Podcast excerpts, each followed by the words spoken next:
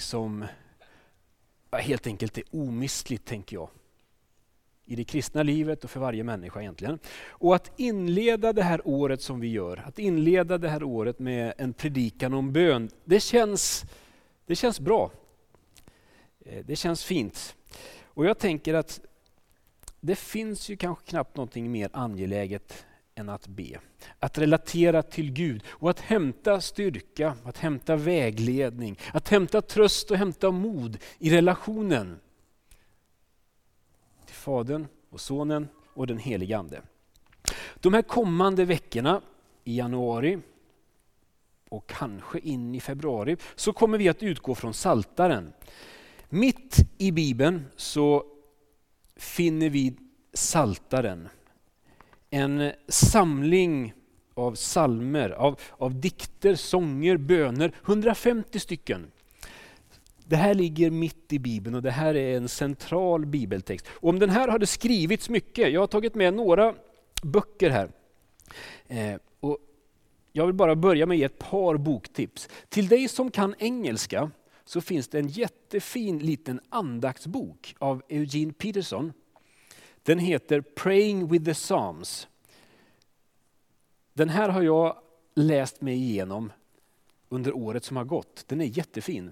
Så är du nyfiken så kan du gärna ta en titt på den här och jag rekommenderar den varmt. Thomas Sjödin kom för ett år sedan tror jag ut med en bok om bön, Ljudet av tystnad. Den uppehåller sig också ganska mycket i Saltaren. Eh, men som sagt, det har skrivits mycket om Saltaren och nu de kommande söndagarna så kommer vi att stanna upp och tala om bön utifrån Saltaren. Så välkommen att fortsätta komma och fira gudstjänst med oss.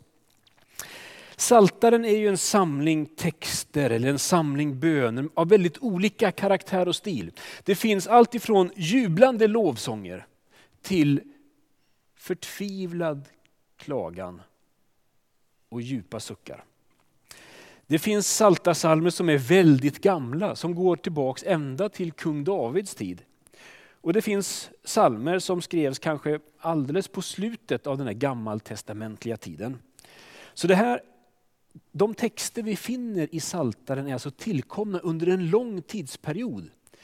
Det här är salmer som har skrivits och sen har samlats ihop och redigerats in i det som vi idag kallar för Saltaren. Och det här arbetet med att sammanställa Saltaren det pågick under en ganska lång tid. Troligen flera ja, om inte årtionden så faktiskt århundraden. Att man sammanställde de här psalmerna. Och I psalm 72 så kan vi läsa att här slutar bönerna av David. Psalm 72. Det antyder ju att vid någon tidpunkt så slutade saltaren där.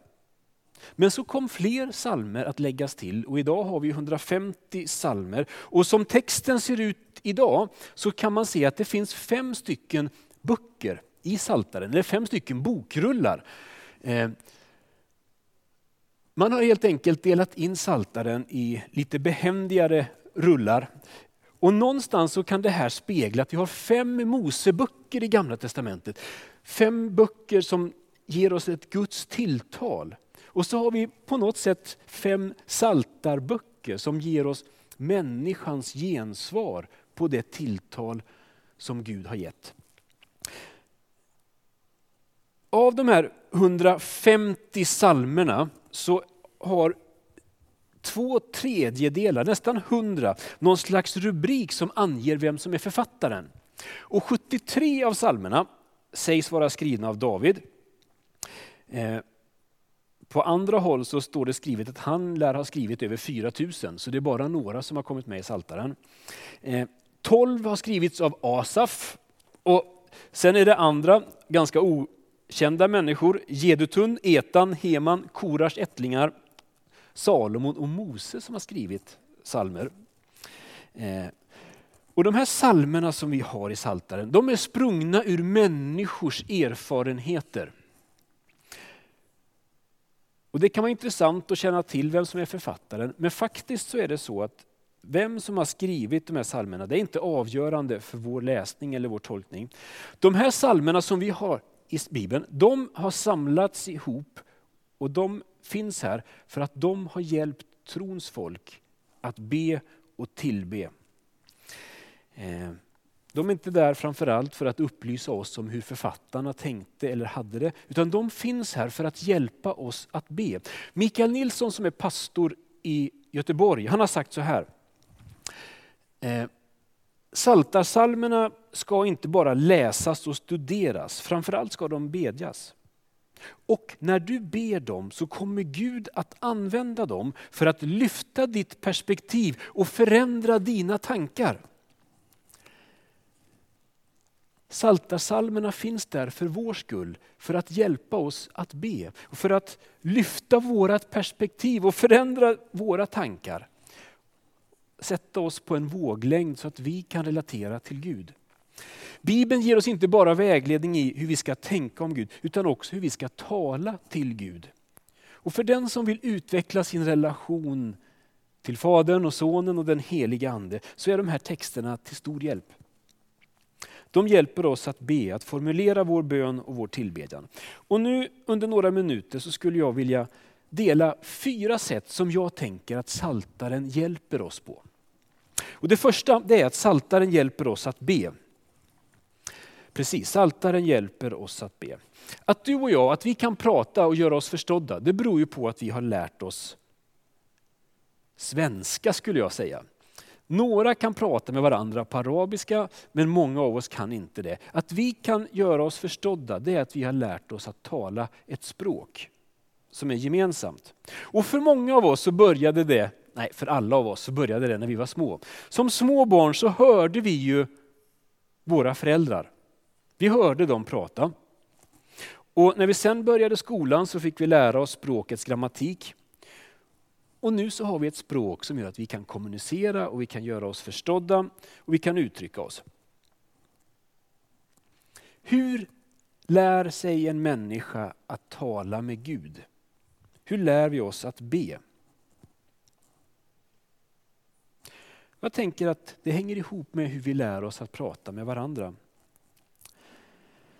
Vårt vanliga språk när vi pratar med varandra, det beror ju på att vi, vi lyssnade när våra föräldrar pratade.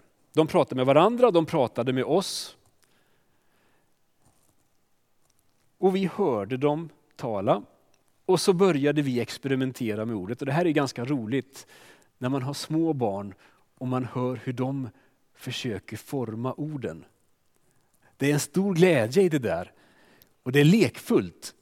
Eller hur? Eh, några av er vet jag finns där hemma med små barn och några av er kanske har barnbarn. Eh, sakta men säkert så växer språket fram allt eftersom barnet experimenterar och leker med orden. Och de barn som tecknar, det går till på samma sätt. De ser vuxna använda teckenspråk och så växer ett språk fram. Och samma sak gäller också för bön tänker jag. Att lyssna till erfarna bedjare, det hjälper mig att utveckla ett bönespråk. Vi lär oss att be genom att lyssna och lära av våra andliga fäder och mödrar. Och när jag under veckan här har tänkt tillbaks lite på mitt liv så inser jag att jag har haft förmånen att ända sedan jag var liten haft människor i min närhet som har bett. Och som har hjälpt mig att gå bönens väg. Och jag tänker att det hör till mitt livs rikare erfarenheter att få möta och att ha fått mött människor som har vandrat trons väg betydligt längre och mer hängivet än vad jag har gjort. Och listan på människor som jag tänker har hjälpt mig att lära mig att be, den är ganska lång. Mina föräldrar finns med. Jag tänker på farmor. Jag tänkte i veckan också på hur jag som 15-åring tog mopeden till kyrkan på onsdagskvällen för att vara med på bönemötet. För på den tiden, då kejsar Augustus, nej inte när kejsar Augustus var men på den tiden då jag var 15, då hade man bönemöten mitt i veckan. Wow, tänker någon. Så var det då. Och då på den tiden så gick det till så här att när man skulle be så böjde alla knä vid den stolen där man satt. Och så bad alla högt, ofta en i taget.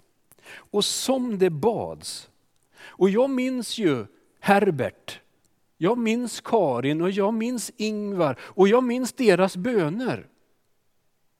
När de bad så det var så självklart och så innerligt. Och jag hörde hur de bad och jag tänker att det hjälpte mig att också lära mig hur man kan tala med Gud.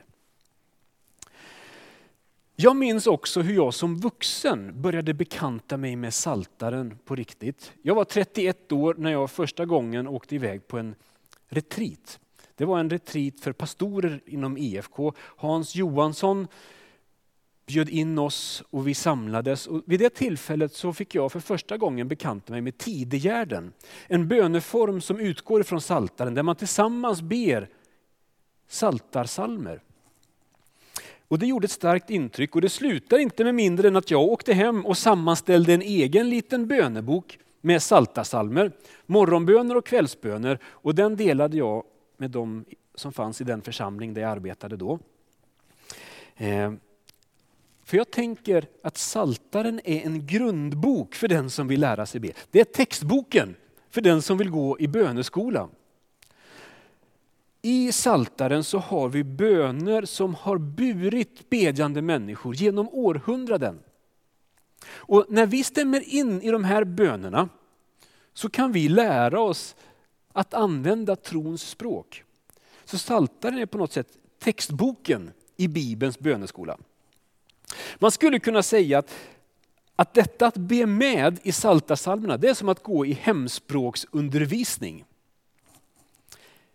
Vi stavar med i de böner som genom årtusenden faktiskt har hjälpt Guds folk att leva med Gud. Och genom att stämma in i de här bönerna så lär vi oss att använda trons språk. Det är som när barn lär sig att prata. När vi som Guds barn lär oss att tala med vår Gud. Så Saltaren har i alla tider hjälpt troende människor att formulera sin bön, sin tillbedjan och på så sätt utveckla och fördjupa relationen med Gud. Saltaren hjälper oss att be. Det andra, Saltaren hjälper oss att lovsjunga Gud. Rubriken för saltaren på hebreiska är Tehillim som betyder lovsångerna. Så även om det suckas och klagas väldigt mycket i saltaren så kallas ändå hela boken för lovsångerna. För när vi ber med i saltaren så får vi finna oss i att hela tiden, ständigt och jämt lova och tacka Gud. Och det hörni, det är faktiskt djupt hälsosamt. Några citat för att någonstans visa att det här liksom har följt kyrkan genom historien. De tidiga reformatorerna sa så här att människans förnämsta mål det är att ära Gud och för evigt glädja sig i honom. Det är tjusigt formulerat. En, en annan tidig kyrkoledare, Augustinus, har sagt de här oerhört välkända orden om att du har skapat oss till dig och vårt hjärta det är oroligt till dess det finner ro i dig. Så snart en människa har börjat ana Guds godhet så vaknar en oväntad glädje och tacksamhet i våra hjärtan. Hans Johansson, han som höll i den där första retriten som jag var med på. Han har sagt så här att lovsång är ett uttåg ur vår inkrökthet i oss själva. Och saltaren vill hjälpa oss ut ur oss själva och glädja oss i Herren. Och ständigt, hela tiden, så får vi någonstans öva oss i att lovsjunga Gud. Det är hälsosamt. Ser man inte längre än till sig själv så lovsjunger man inte Gud. Men Bibeln vill bredda våra snäva perspektiv och uppmanar oss att lova, att prisa, att upphöja, att tacka och jubla. Saltaren hjälper oss att lovsjunga Gud. Det är det andra som jag tänker att Saltaren kan hjälpa oss med. Saltaren hjälper oss att be, Saltaren hjälper oss att lovsjunga. Och för det tredje tänker jag att Saltaren hjälper oss att se hela verkligheten. Både det som är utmanande och det som är vackert. Vi lever i en trasig värld. Vi omges av väldigt mycket som är sorgligt och en hel del som bara är ont och destruktivt. Men saltarsalmerna, de vittnar och sjunger om att Gud går med även i det mörkaste mörker. Och de hjälper oss att se hela verkligheten. Den som tagit till sig Bibelns budskap kan faktiskt möta vardagens kriser och tragedier utan att fullständigt förtvivla. Våra erfarenheter av, av, livets djävulskap behöver inte få oss att helt tappa fotfästet. För vi vet att Gud har triumferat över det onda och han går med. Det är något som saltaren försöker få oss att se. Det är inte bara mörkt. Hans Johansson igen, han säger så här. Vänd mot Israels Gud så möter vi inte verkligheten i förvirring och kaos. Utan som famnade av Guds lidande och segrande kärlek. Att be det är att vända sig till Gud. Och även klagosalmerna även de här mörkaste beskrivningarna av människors djupa förtvivlan, även där, även i de psalmerna, så finns vissheten om att Gud hör oss när vi ropar och han håller oss i sina goda och starka händer. Utlämnade åt oss själva så ser vi inte det där. Men när vi ber med saltaren så ber vi tillsammans med Guds folk. Och Guds folk vet att allt vilar i Guds hand vår historia, vår framtid. Så saltaren är ett slags kollektivt minne som hjälper oss att möta och förhålla oss till vardagens utmaningar och prövningar. Och hjälper oss att se hela verkligheten, inte bara våra problem utan också Guds godhet och närvaro. Saltaren hjälper oss att be, att lovsjunga, att se en större verklighet och det sista och fjärde som jag tänker att jag vill dela med er idag, det är att saltaren hjälper oss att säga precis som det är. Saltaren hjälper oss att säga som det är. Bön handlar om att öppna upp, att bjuda in Gud i mitt liv och i min vardag. Att så sant jag bara kan säga till Gud hur det är. Att tala med honom om det som är mitt liv utan att lägga till rätta. Och när vi läser Saltaren så inser vi att Gud, ingenting är främmande för Gud. Inget tycks vara otillåtet att säga. Ingenting behöver redigeras eller censureras, utan vi får säga som det är. Och vi behöver inte värdera och sortera våra tankar eller känslor innan vi ber. Vi får sucka och klaga om det behövs. Det är verkligen fritt fram. Hans Johansson en gång till. Han säger så här, vi behöver tala ut inför Gud. Inte för att informera honom, för så är det. Gud vet faktiskt om allt redan. Det är inte därför vi behöver be, för att han inte förstår. Utan vi ber för att ge honom tillträde till det som vi bär på. Så att vi inte fastnar i det. Jag tänker att det knappast finns något som är viktigare eller mer angeläget än att be. Saltarens böner hjälper oss att överlåta oss till Gud. Mitt i allt det som händer och sker.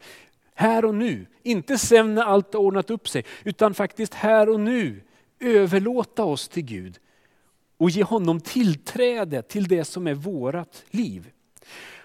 Klagosalmerna inte minst vittnar om att Gud vill möta oss precis där vi är. Inte där vi tycker att vi borde vara. När vi ger Gud tillträde till våra liv så öppnar vi upp för honom och bjuder in honom. Och då sker ju det förunderliga. Vi omsluts av Guds egen närvaro. Alexandra, välkommen fram. Vi ska få lyssna och sjunga med i en ganska ny sång som handlar om att vara i Jesu närvaro. När vi ger Gud tillträde till våra liv, då omsluts vi av hans närvaro. Och inför Jesus så måste mörker, och ondska och hat ge vika. I hans närhet så kan vi hämta både tröst och mod. Saltaren finns i Bibeln för att hjälpa oss att gå den här bönens väg. Och när vi samlas till gudstjänst är det inte bara för att lyssna till någon som talar om bön. Vi samlas för att här och nu ta steg i bön. Så min uppmaning till dig det är välkommen med. Oavsett utgångspunkt, ta gärna steg i bön. Så här inledningen på det nya året. Jag har en liten lapp med några sammanfattande ord av den här predikan. Och nederst på den så står det morgonsalmer och kvällsalmer. Fem salmer som passar att läsa på morgonen och fem på kvällen. Du får jättegärna ta med dig den lappen hem och kanske att den kan vara till uppmuntran och vägledning inför den här veckans bön. Det är först när man börjar använda ett språk som det kan utvecklas och utvidgas. Min bön för oss är att vårt bönespråk skulle få växa till. Börja be. Och det kan vi få göra redan nu. Eh, Herre, tack att du vill oss väl. Tack att du Gud vill tala in i våra liv och du vill lyssna till oss. Tack för din goda vilja för mitt liv, för allas våra liv. Och tack att du vill leda oss på den väg som vi har att gå. På den resa som vi är ute på. Tack för att vi här och nu får vända oss till dig. Inför dig och i din närhet så vill vi vara. Kom helige Ande och led oss in i bönen och gemenskapen med Fadern och med Sonen. Kom heligande med Guds härlighet och Guds ljuvlighet till oss, där vi är. Här och nu så ville vi lovsjunga dig och tillbe dig. Vi kommer med allt det vi bär på. Amen.